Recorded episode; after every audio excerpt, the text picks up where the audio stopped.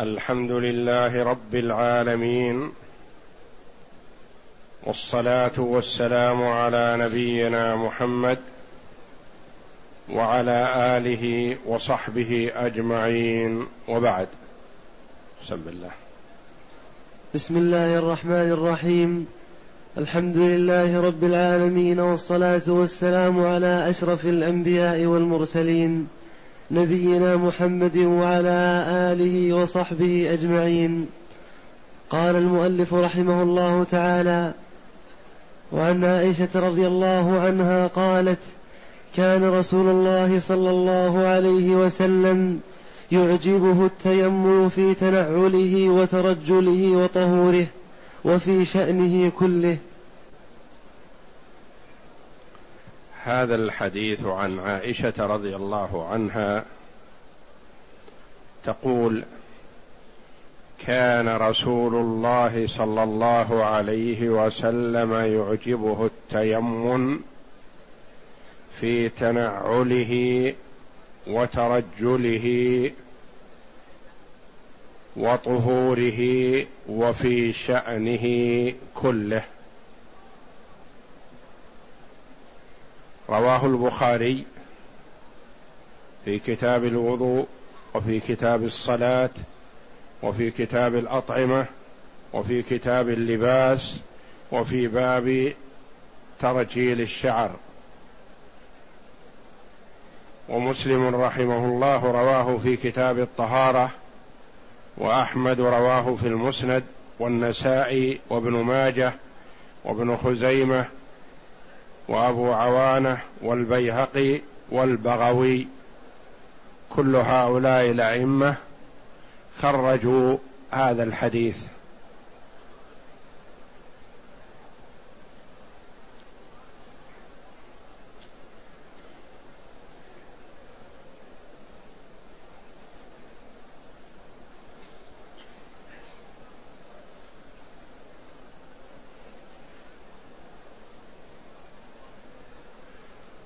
والكلام على هذا الحديث الصحيح.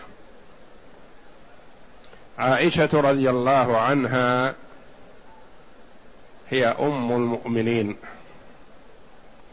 وتكنى أم عبد الله تكنت بعبد الله بن الزبير بإذن وموافقة من النبي صلى الله عليه وسلم وإلا فإنها لم تلد رضي الله عنها. وهي بنت الصديق أبي بكر رضي الله عنه. تزوجها رسول الله صلى الله عليه وسلم قبل الهجرة. يعني عقد عليها قبل الهجرة بسنتين أو ثلاث. وبنى بها في المدينة. بعد هجرته صلى الله عليه وسلم. وتوفيت رضي الله عنها سنة سبع وخمسين وقيل ثمان وخمسين من الهجرة النبوية. ومكثت مع النبي صلى الله عليه وسلم بقية حياته عشر سنوات. وحفظت كثيرا من العلم. رضي الله عنها وأرضاها كانت حافظة واعية ذكية حفظت كثيرا من سنة رسول الله صلى الله عليه وسلم وعلمتها للصحابة والتابعين رضي الله عنهم.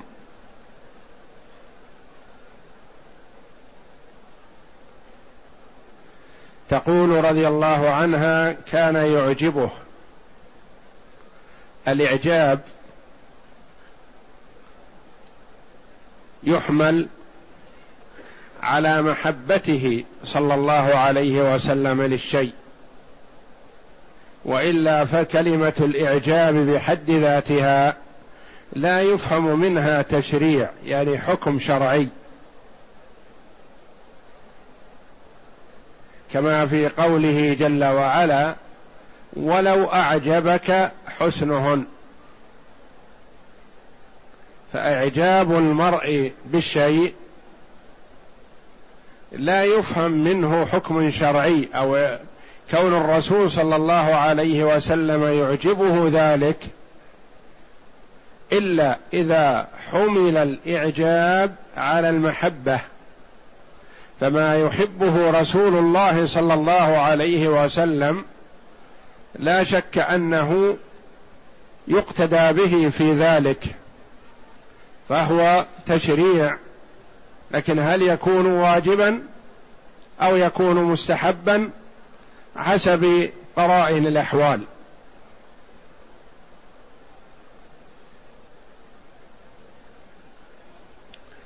وكون النبي صلى الله عليه وسلم يعجبه التيمم لأن أصحاب اليمين من أهل الجنة. وإن كان من أصحاب اليمين فسلام لك من أصحاب اليمين. واليمين في كل شيء لهذا مستحسن وحسن. وكما ورد في الحديث فإن كلتا يدي ربي يمين. ويمين الصف الأول أفضل من شماله.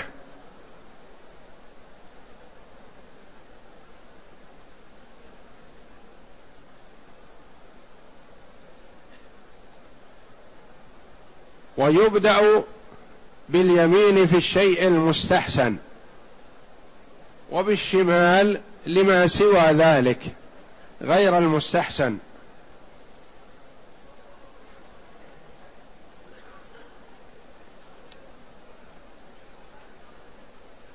يعجبه التيمن في تنعله.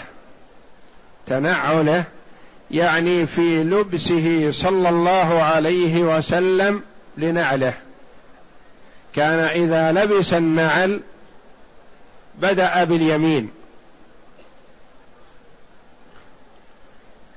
وترجله يعني في تسريح الشعر لأن النبي صلى الله عليه وسلم كان له شعر وكان يعطيه يناوله أمهات المؤمنين تسرحه. فكانت عائشة رضي الله عنها تسرح شعر رسول الله صلى الله عليه وسلم وهو في المسجد وهي في الغرفه في الحجرة وهي حائض.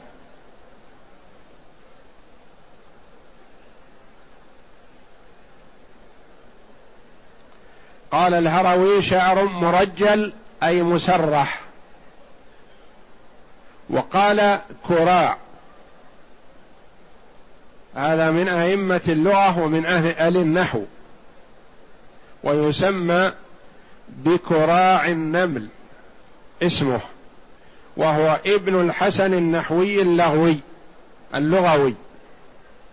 قال ياقوت هو من أهل مصر أخذ عن البصريين وكان نحويا كوفيا.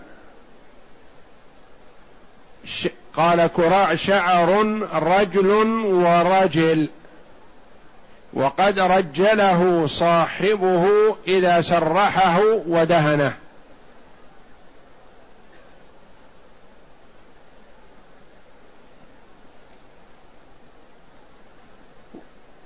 وكذلك إذا كان يبدأ باليمين عند الحلق صلوات الله وسلامه عليه كما ثبت في السنة.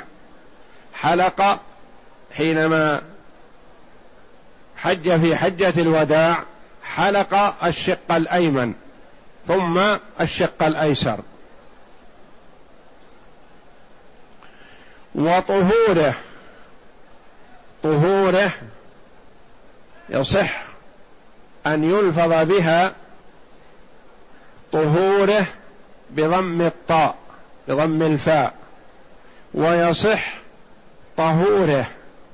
وقد تقدم لنا أن كلمة طهور بضم الطاء يراد بها الفعل وبفتح الطاء يراد بها الماء الذي يتطهر به. يعني كان في فعل الطهارة يتيامن. وكذا كان في الماء الذي يتطهر به إذا أخذ الماء ليتطهر به أخذ باليمين تياما وطهوره.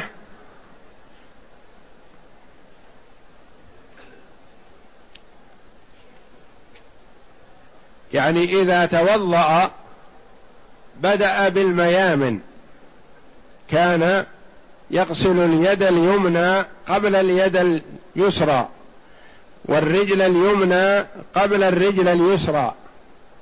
وجميع من نقل سنة رسول الله صلى الله عليه وسلم في الوضوء وكيفية وضوءه نقلها مبدئ بادئا باليمين على الشمال. وقد اتفق العلماء من أهل السنة على أن التيامن في الوضوء ليس بواجب وإنما هو مستحب. فلو غسل اليد اليسرى قبل اليد اليمنى أو الرجل اليسرى قبل الرجل اليمنى صح وضوءه. باتفاق الفقهاء لكن فاته الأفضل. فأتته الفضيلة.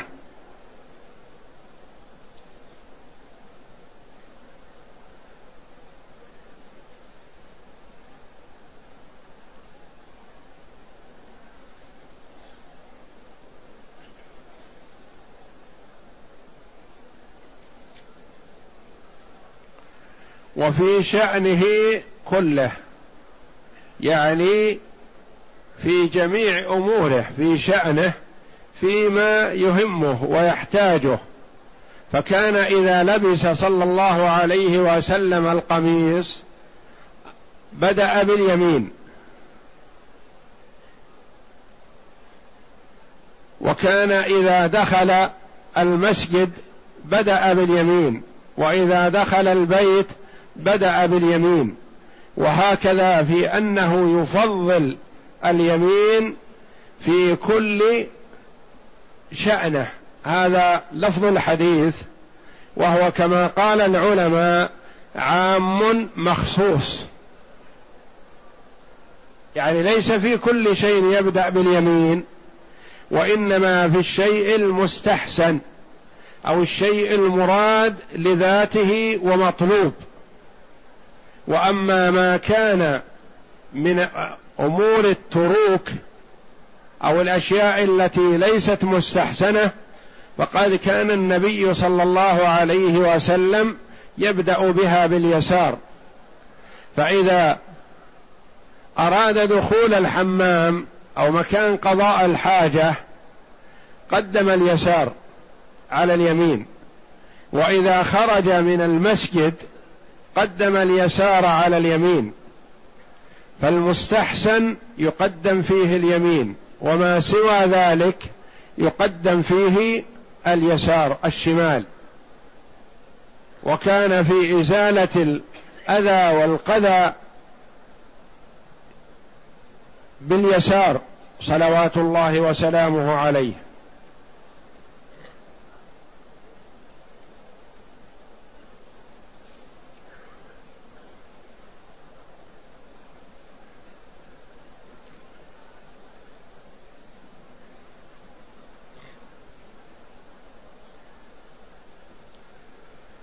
وفي شأنه كله قال الشيخ تقي الدين رحمه الله هو عام مخصوص لأن دخول الخلاء والخروج من المسجد ونحوهما يبدأ فيهما باليسار.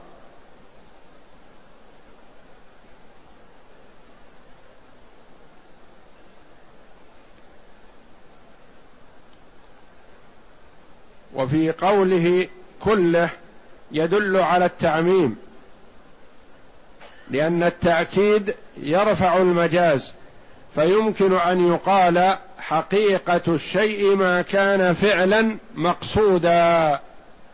وما يستحب فيه التياسر ليس من الأفعال المقصودة بل هي إما تروك وإما غير ذلك.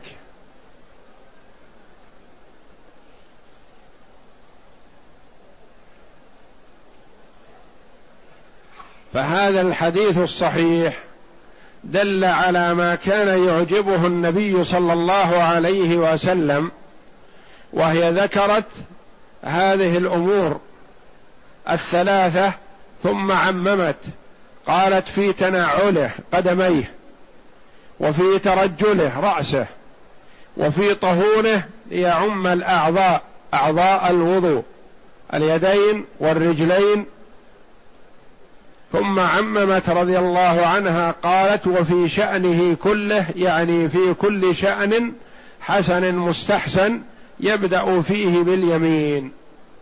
وهذا حث على البداءة باليمين وأنه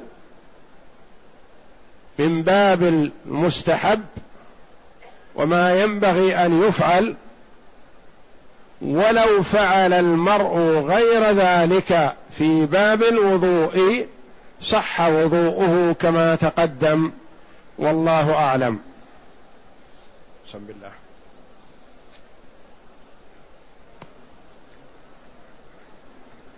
حديث. وعن نعيم المجمر, المجمر. الحديث. الحديث كذا. الحديث الحادي عشر. نعم. وعن نعيم المجمر.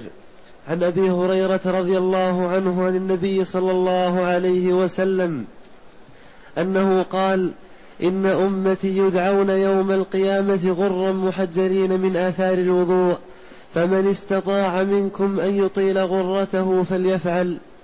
وفي لفظ لمسلم رأيت أبا هريرة يتوضأ فغسل وجهه ويديه حتى كاد يبلغ المنكبين. ثم غسل ثم غسل رجليه حتى رفع إلى الساقين. ثم قال سمعت رسول الله صلى الله عليه وسلم يقول إن أمتي يدعون يوم القيامة غرا محجرين من أثر الوضوء فمن استطاع منكم أن يطيل غرته وتحجيله فليفعل. نعم وفي لفظ. وفي لفظ لمسلم سمعت خليلي صلى الله عليه وسلم يقول تبلغ اللحية من المؤمن. تبلغ الحلية. تبلغ الحلية من المؤمن حيث يبلغ الوضوء.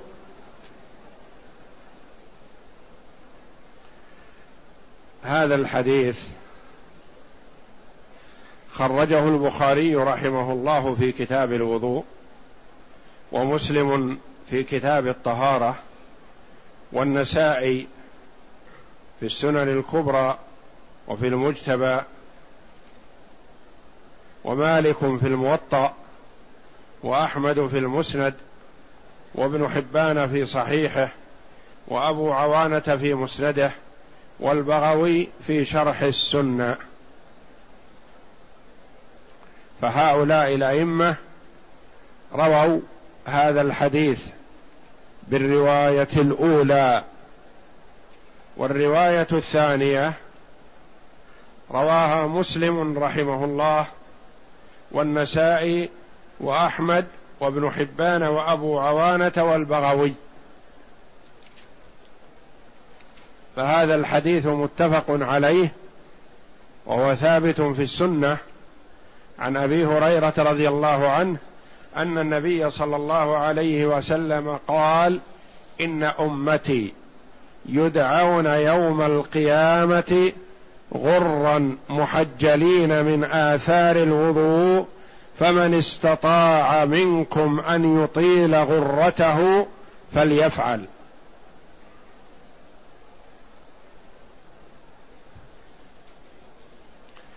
وفي لفظ لمسلم هذه الرواية انفرد بها مسلم عن البخاري وإلا فقد رواها جمع من العلماء رحمهم الله.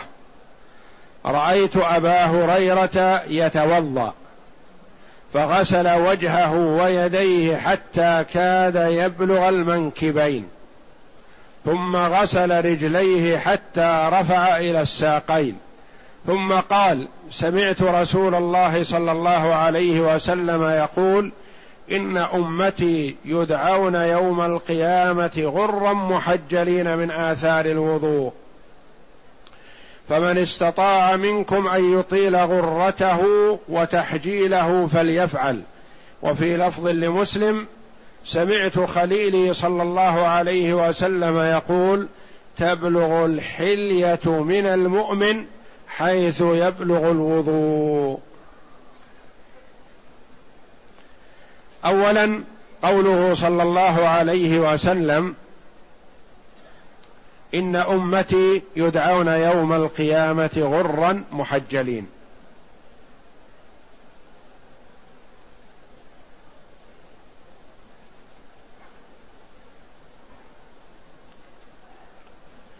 إن أمتي يدعون يوم القيامة غرا محجلين. غرا يصح أن تكون مفعول ليدعون. ويصح أن تكون حال. وكونها حال أظهر. يدعون يعني ينادون. حالة كونهم غرا محجلين. ويصح أن تكون مفعولا يدعون بمعنى نجعل معنى كلمة يدعون يسمون. يسمون غرا. مفعول به ليدعون.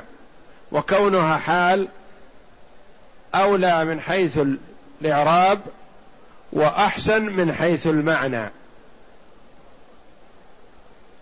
لأن المرء إذا دعي حالة كونه بهذه الصفة أفضل من كونه يدعى بهذه الصفة وربما لا يكون متصفا بها. إذا دعي وهو بهذه الحالة فهو أكمل.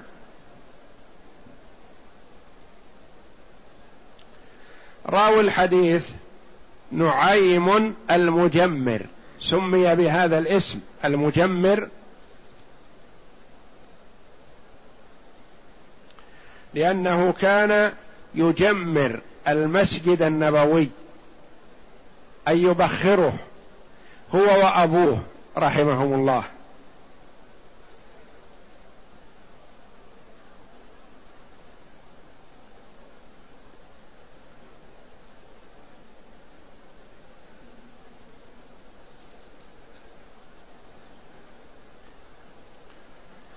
يدعون يوم القيامة غرا محجلين. من آثار الوضوء. هل الوضوء من خصائص هذه الأمة؟ فظهر أثره يوم القيامة هكذا. أم الوضوء شرع لمن قبلنا. واختصت هذه الأمة بالتحجيل والغرة بظهور أثر ذلك يوم القيامة. قولان للعلماء. قال بعض العلماء دل هذا الحديث على أن الوضوء من خصائص أمة محمد صلى الله عليه وسلم.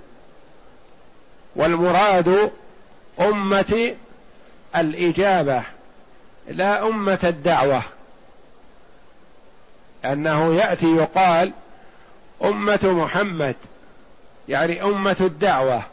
فيشمل من وجد بعد الرسول صلى الله عليه وسلم ومعه من المؤمنين واليهود والنصارى وسائر الفرق لأنهم كلهم مدعوون بدعوة محمد صلى الله عليه وسلم. وأمة الإجابة خاصة بمن استجاب لدعوة محمد صلى الله عليه وسلم.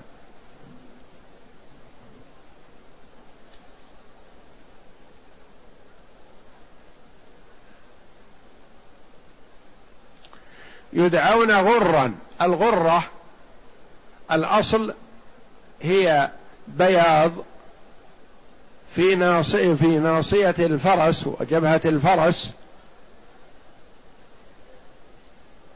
والتحجيل بياض في ثلاث قوائم من قوائم الفرس. ثم استعملت الغرة في الوضاءة. والجمال والطهارة. فيقال هذا أغر. أغر. يعني ليس فيه نقطة بيضاء في جبينه وإنما كله وضيء.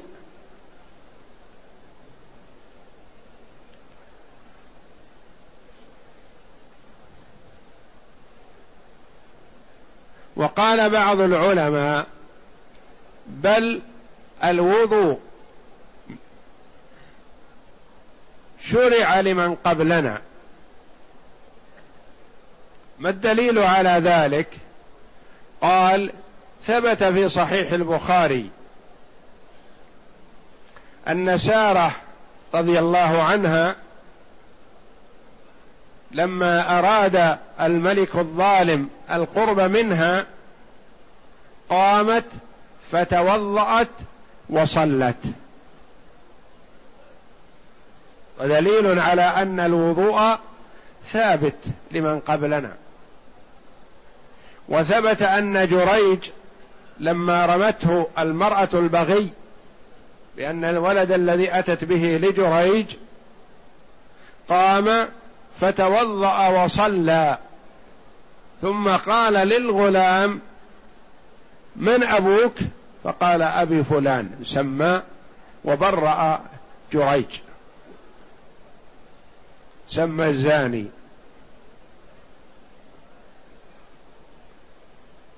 فهذان الحديثان يدلان على أن الوضوء شرع لمن قبلنا.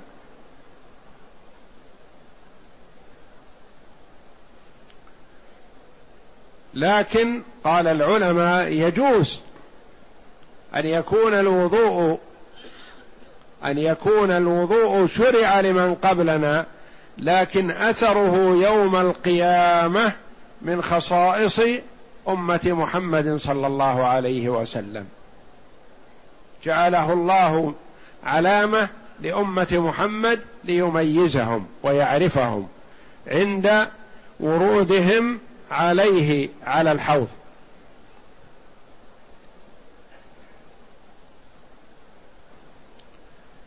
من آثار الوضوء كذلك كما تقدم في يصح أن ينطق فيها من آثار الوضوء ومن آثار الوضوء.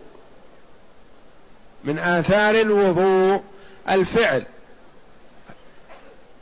ومن آثار الوضوء الذي هو الماء الذي يتوضأ به من آثار هذا الماء الذي توضأ به. فمن استطاع منكم أن يطيل غرته فليفعل. يطيل يعني يتجاوز في الغسل. يغسل الوجه ويستكمله ويأخذ شيئا من صفحة الرقبة وما حول الأذنين. ويغسل الذراع ويتجاوز إلى العضد. ويغسل الرجل ويتجاوز إلى الساق. وما هذا التجاوز؟ قال بعض العلماء بلا تحديد. يتجاوز يزيد فيه شيئا بلا تحديد. وقال بعضهم يصل إلى الركبة في الرجلين وإلى المنكبين في اليدين. وقال بعضهم يصل إلى منتصف العضد ومنتصف الساق.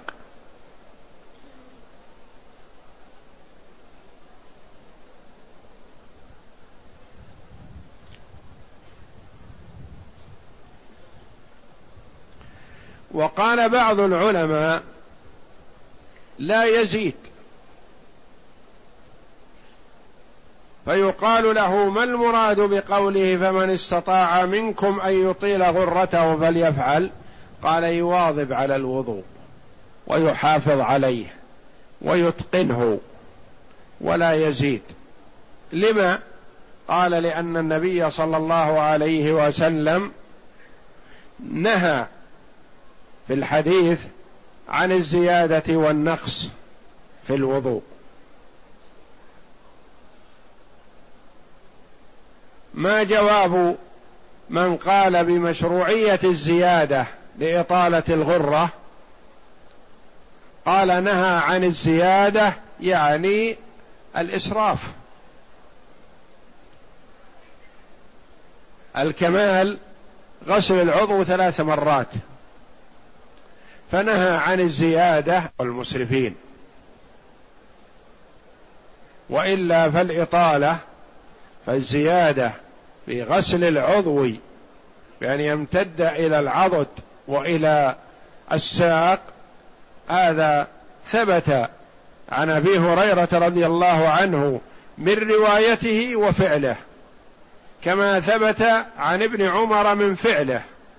والصحابة رضي الله عنهم يفسرون الحديث بأقوالهم وأفعالهم رضي الله عنهم. فهم أدرى بمعنى ما سمعوا من النبي صلى الله عليه وسلم. فمن استطاع يعني تمكن أن يطيل غرته فليفعل ليزد في ذلك. والرواية الآتية تفسر المراد بالزيادة يطيل بإطالة الغرة. وفي لفظ لمسلم رأيت أبا هريرة رضي الله عنه يتوضأ فغسل وجهه ويديه حتى كاد يبلغ المنكبين ويديه حتى كاد يبلغ المنكبين. أين المنكبان؟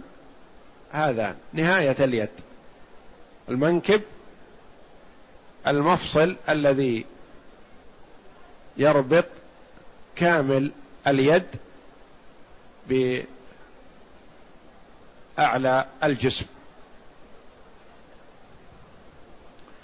ثم غسل رجليه حتى رفع إلى الساقين. يعني لم يقتصر على الكعبين رفع إلى الساقين. ثم قال يعني بعدما فعل هذا الفعل بينه بقوله. ثم قال سمعت رسول الله صلى الله عليه وسلم يقول إن أمتي يدعون يوم القيامة غرا محجرين من آثار الوضوء. فمن استطاع منكم أن يطيل غرته وتحجيله فليفعل. قال بعض العلماء في قوله فمن استطاع منكم أن يطيل غرته وتحجيله فليفعل لا أدري هذا من قول النبي صلى الله عليه وسلم أم من قول أبي هريرة؟ وجمهور من روى عن أبي هريرة رووه على أنه من قول النبي صلى الله عليه وسلم. وفي لفظ آخر لمسلم سمعت خليلي يقول تبلغ الحلية من المؤمن حيث يبلغ الوضوء. يعني الحلية يوم القيامة حيث يبلغ الوضوء. يعني إذا مكن في الوضوء أكثر فالحلية أبلغ أكثر. فهذه الأحاديث تدل على فضيلة الوضوء اولا لأنها سبب للغرة والتحجيل والجمال. وهي علامة يميز بها النبي صلى الله عليه وسلم أمته حينما يردون عليه حوضه صلى الله عليه وسلم في عرصات القيامة. وكان يذود يمنع الناس الآخرين من ورود حوضه ويمكن أمته قيل له كيف تعرفهم؟ قال أعرفهم غرا محجلين. يعرف النبي صلى الله عليه وسلم أمته بالغرة تكون في وجوههم والتحجيل في أرجلهم وأيديهم. وفي قوله رحمه رضي الله عنه سمعت خليلي. خليلي يعني الخلة أعلى أنواع المحبة. فأبو هريرة رضي الله عنه يقول إنه يحب الرسول صلى الله عليه وسلم أكثر من محبته لكل مخلوق. اولا محبة الله ثم محبة رسوله صلى الله عليه وسلم ولذا قال خليلي. فالصحابة يقولون للرسول صلى الله عليه وسلم خليلي. والرسول صلى الله عليه وسلم ما اتخذ من أمته خليلا لأنه خليل الرحمن جل وعلا. فهو قال لو كنت متخذا من أمتي خليلا لاتخذت أبا بكر خليلا.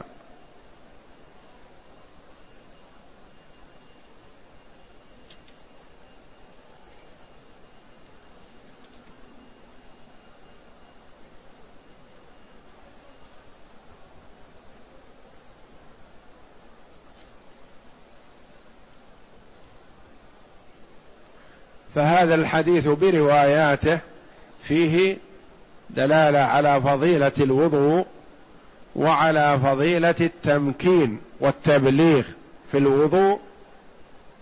وقد ذكر النبي صلى الله عليه وسلم في أحاديث كثيرة في قوله ألا أدلكم على ما يرفع الله به الخطايا ويكفر به السيئات إسباغ الوضوء على المكاره. من ذلك إسباغ الوضوء على المكاره. وإسباغه يعني تمكينه من حيث استكمال العضو ومن حيث دلكه وتمكين الماء منه حتى لا ينبو عنه الماء. وعلى المكاره يعني في شدة الحر وفي شدة البرد. إذا كان الماء حارا أو إذا كان الماء باردا فيمكن المرء من الوضوء. والله أعلم وصلى الله وسلم وبارك على عبده ورسول نبينا محمد وعلى آله وصحبه أجمعين.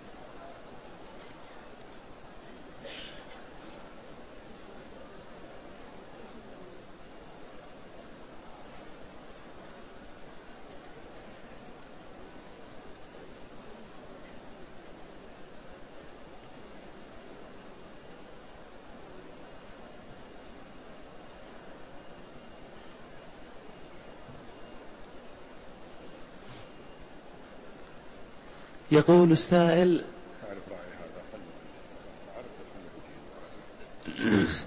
يقول السائل نرجو منكم توضيح الرواتب القبلية والبعدية كلها.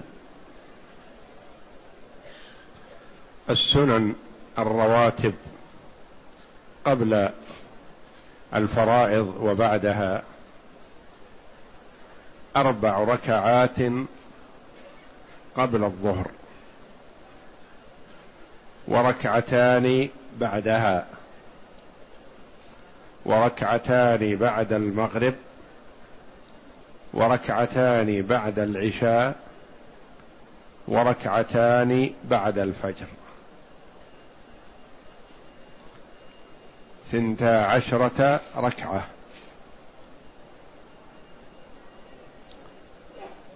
ويصح ركعتان قبل الظهر وركعتان بعدها فتكون عشر ركعات.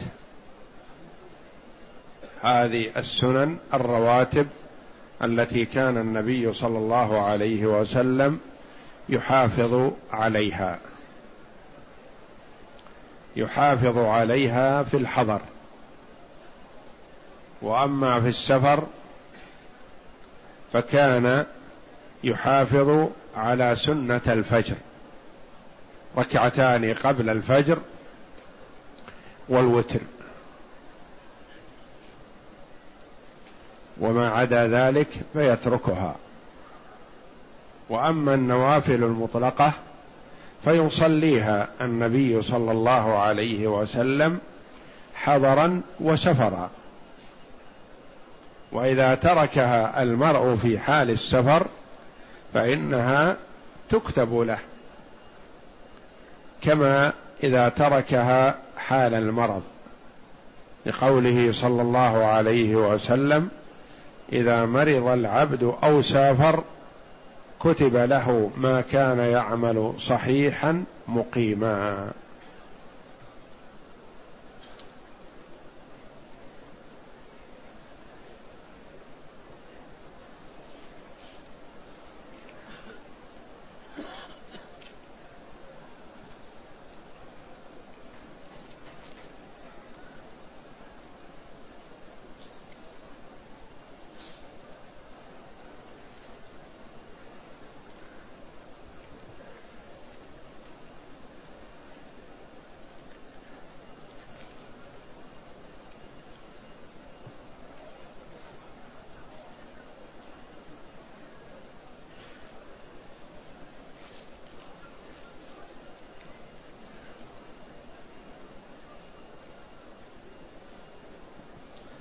يقول السائل ما حكم الشرع في رجل محرم وأصيب بجرح بحيث خرج منه دم بلا عمد فهل على خروج الدم فدية؟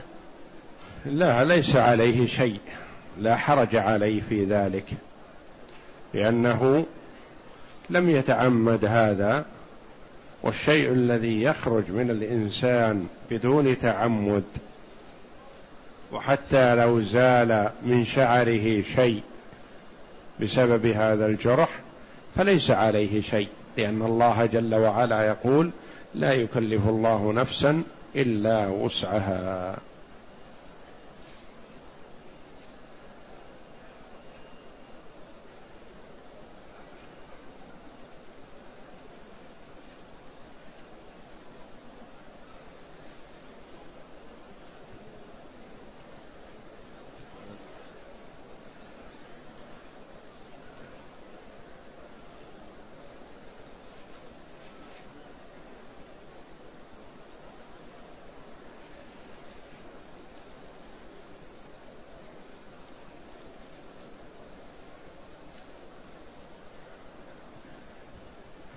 يقول السائل كثير من الناس يذهبون من عرفة ويتأخرون إلى صلاة, إلى صلاة الصبح ولا يصلون المغرب والعشاء حتى يؤذن الصبح.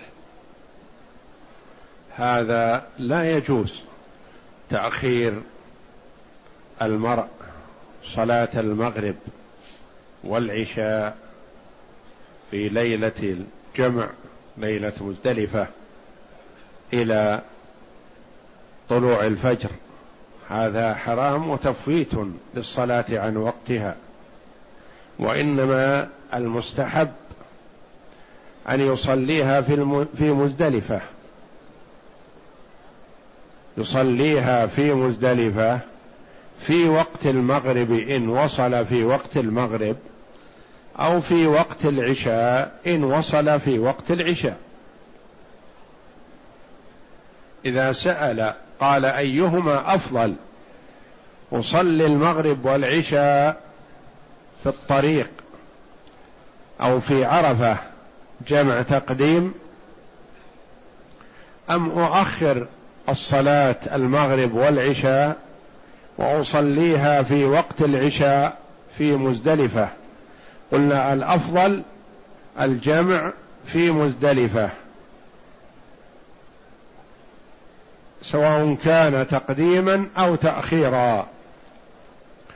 فلو صلاها في عرفة خشية أن يمسكه الطريق فلا يصل إلا متأخر من الليل صحت صلاته أو صلاها في الطريق وقف في الطريق وخشي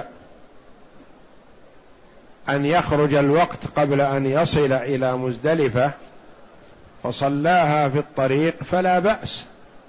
الصلاة صحيحة لكن الأفضل أن يصليها في مزدلفة لكن لا يجوز تأخيرها إلى طلوع الفجر. وإنما له المهلة إلى منتصف الليل. فإذا انتصف الليل فعليه أن يصليها في أي مكان هو.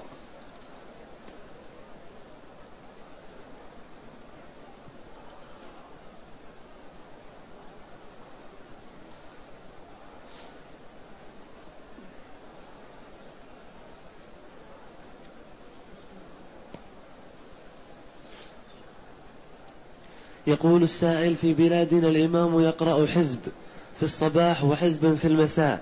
من القراءة عند إتمام الصلاة. هل يجوز ذلك؟ قراءة القرآن تجوز في كل وقت بل تستحب. فإذا جعل المسلم له شيء من القرآن يقرأه مثلا بعد صلاة الظهر أو بعد صلاة العصر أو بعد صلاة المغرب أو بعد صلاة العشاء أو بعد صلاة الفجر فحسن. لأن هذا ترتيب له ليقرأ القرآن.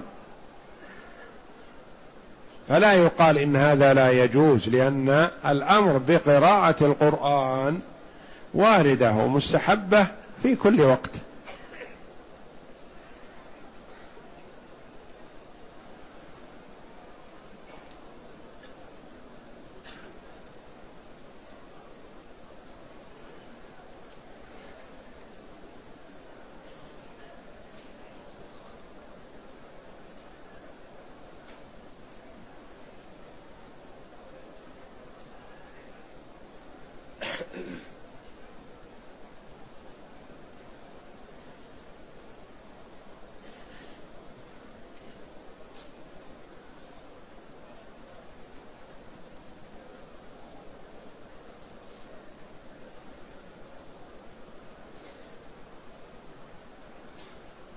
يقول السائل ما هي المحظورات التي لا يعذر عنها ولو ارتكبها المحرم جهلا؟ من المحظورات التي لا يعذر فيها المحرم جهلا الجماع. لا يجوز له ذلك ولا يعذر وهناك فرق بين الجماع قبل التحلل الأول وبعد التحلل الأول. فما كان قبل التحلل الأول يفسد الحج ويلزمه المضي فيه ويلزمه القضاء وعليه بدنه. والجماع بعد التحلل الأول لا يفسد الحج وعليه شاة. الحج صحيح وعليه شاة نعم. نعم فيه سؤال وما حكم من كان ميقاتهم في البحر وأحرموا من جدة؟ لأنهم لا يشعرون محاذاته في الطائرة. القادم إلى مكة من أي جهة كان لا يؤخر الإحرام والدخول في النسك إلى ما بعد الميقات والتقدم لا حرج فيه. فقد ورد أن بعض الصحابة أحرم من خراسان وبعضهم أحرم من الشام فالتقدم لا بأس به. إلا أنه مما لا ينبغي خوفا على المسلم أن يقع في المحظور. وأما التقدم فلا حرج لكن التأخير هو الذي يوجب هدي على رأي كثير من العلماء رحمهم الله. فمن أراد مكة لحج أو عمرة عليه أن يحتاط إذا كان لا يدري متى يحاذي الميقات فعليه أن يتقدم قليلا في الإحرام احتياطا ولا حرج عليه.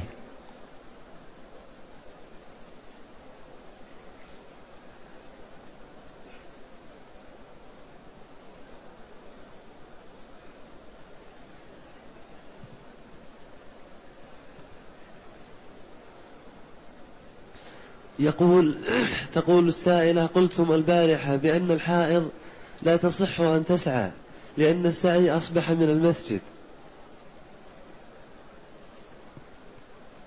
أنا قلت بأن الحائض لا تمكث في المسعى لا تجلس فيه لأنه أصبح من المسجد الحرام داخل المسجد. وأما السعي فلا تسعى وإن كانت حائض إذا طافت وهي طاهرة ثم حاضت بعد ذلك فعليها أن تتخذ وقاية تمنع نزول الدم وتسعى. وسعيها صحيح لأن فرق بين أن تكون الحائض أن تسعى الحائض سعيها صحيح. وبين أن تجلس في المسجد في المسعى فلا. لا تجلس ولها أن تسعى لأن الحائض لها أن تمر في المسجد لها أن تدخل لكن ليس لها الجلوس.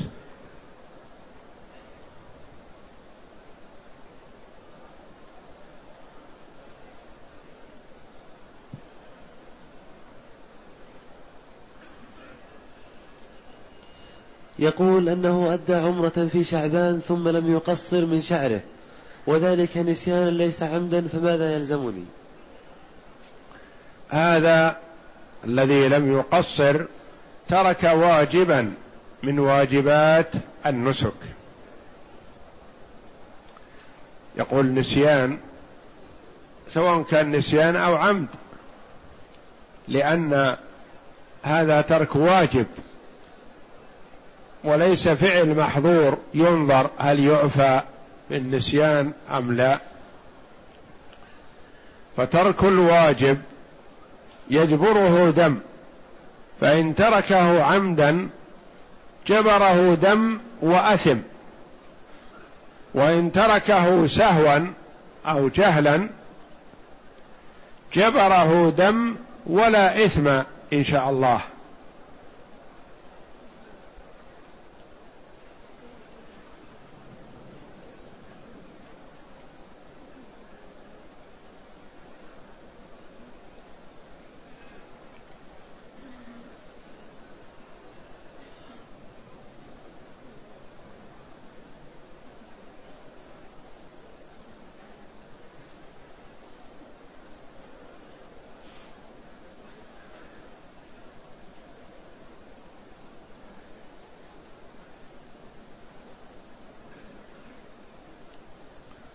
هذا الذي يقول إنه أحرم وأتى بالعمرة ثم سافر إلى جدة بعدما ودع ثم إنه بعدما وصل جدة عدل عن السفر ورغب في البقاء إلى الحج فمن أين يحرم؟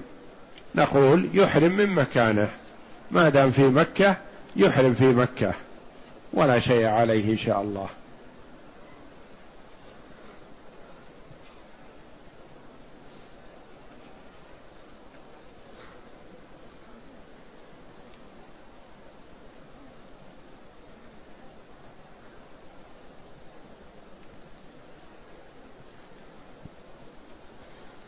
يقول السائل أين يكون الصف الأول إذا كان الإمام بجانب الكعبة؟ هل الصف الذي يليه مباشرة أم الذي يكتمل حول الكعبة؟ الصف الأول قال شيخ الإسلام ابن تيمية رحمه الله هو ما كان خلف الإمام على ما استدار حول الكعبة. فما كان أمام الإمام أقرب من الإمام إلى الكعبة في الجهات الأخرى لا يكون من الصف الأول. الصف الأول ما كان خلف الإمام بتمام دورة الصف. هذا الصف الأول.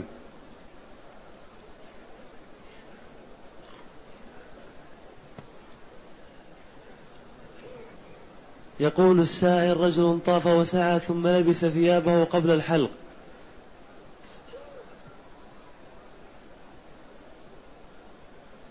نعم. يقول أنه طاف وسعى ثم لبس ثيابه قبل الحلق. إذا كان الوقت قريب فعليه أن يخلع ملابسه العادية ويلبس ملابس الإحرام ثم يحلق أو يقصر. وإن كان حلق أو قصر بعدما ذكر وعليه ملابسه العادية فلا بأس عليه صحيح. وإن كان قد مضى وقت طويل أو فعل محظورا من محظورات الإحرام التي لا يعفى عنه كالجماع فعمرته صحيحة وعليه هدي يجبر ترك الواجب لأن الحلق أو التقصير في العمرة واجب من واجباتها والواجب يجبر بدم والركن لا يتم إلا بالإتيان به.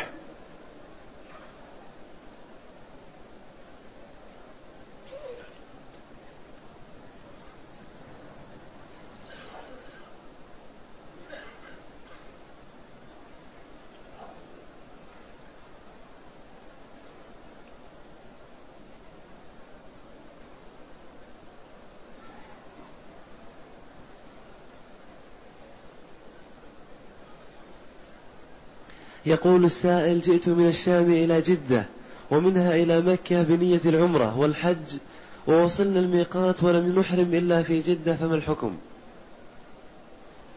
إذا كنت جئت من الشام بنية العمرة أو بنية الحج ولم تحرم إلا من جدة فقد تجاوزت الميقات بدون إحرام لأن ميقاتك الجحفة. وإذا كنت جئت عن طريق المدينة فميقاتك ميقات أهل المدينة. فكان الواجب عليك أن تحرم من الميقات. فلما لم تفعل وأديت عمرتك بإحرام من جدة فعمرتك صحيحة إن شاء الله وعليك هدي يجبر النقص الذي فعلته وهو ترك الإحرام من الميقات المعتبر لك. عمرتك صحيحة إن شاء الله وعليك هدي.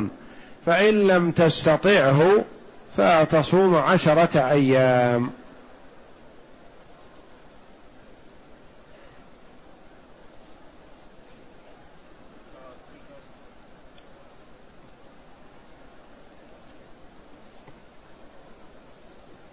يقول السائل شخص سبق له أن أفطر في رمضان متعمد وذلك منذ عشرين سنة ويريد وهو في هذا المكان أن يكفر عنه. هذا الشخص الذي أفطر رمضان منذ خمس وعشرين سنة متعمدا ويريد الكفارة. نقول إن كان في وقتها يصلي فعليه القضاء. والإطعام لأنه أخر القضاء بلا عذر. يطعم عن كل يوم مسكين. وأما إذا كان وقتها لا يصلي فلا يؤمر بقضاء الصيام لأن من لا يصلي ليس بمسلم وإن ادعى الإسلام. العهد الذي بيننا وبينهم الصلاة فمن تركها فقد كفر. فعليه التوبة وليحمد الله جل وعلا الذي من عليه بالرجوع إليه والندم ويحافظ على الصلوات والصيام. ويكثر من نوافل العبادة شكرا لله جل وعلا وليس عليه قضاء. إذا كان حال تركه الصيام لا يصلي فلا يؤمر بالقضاء.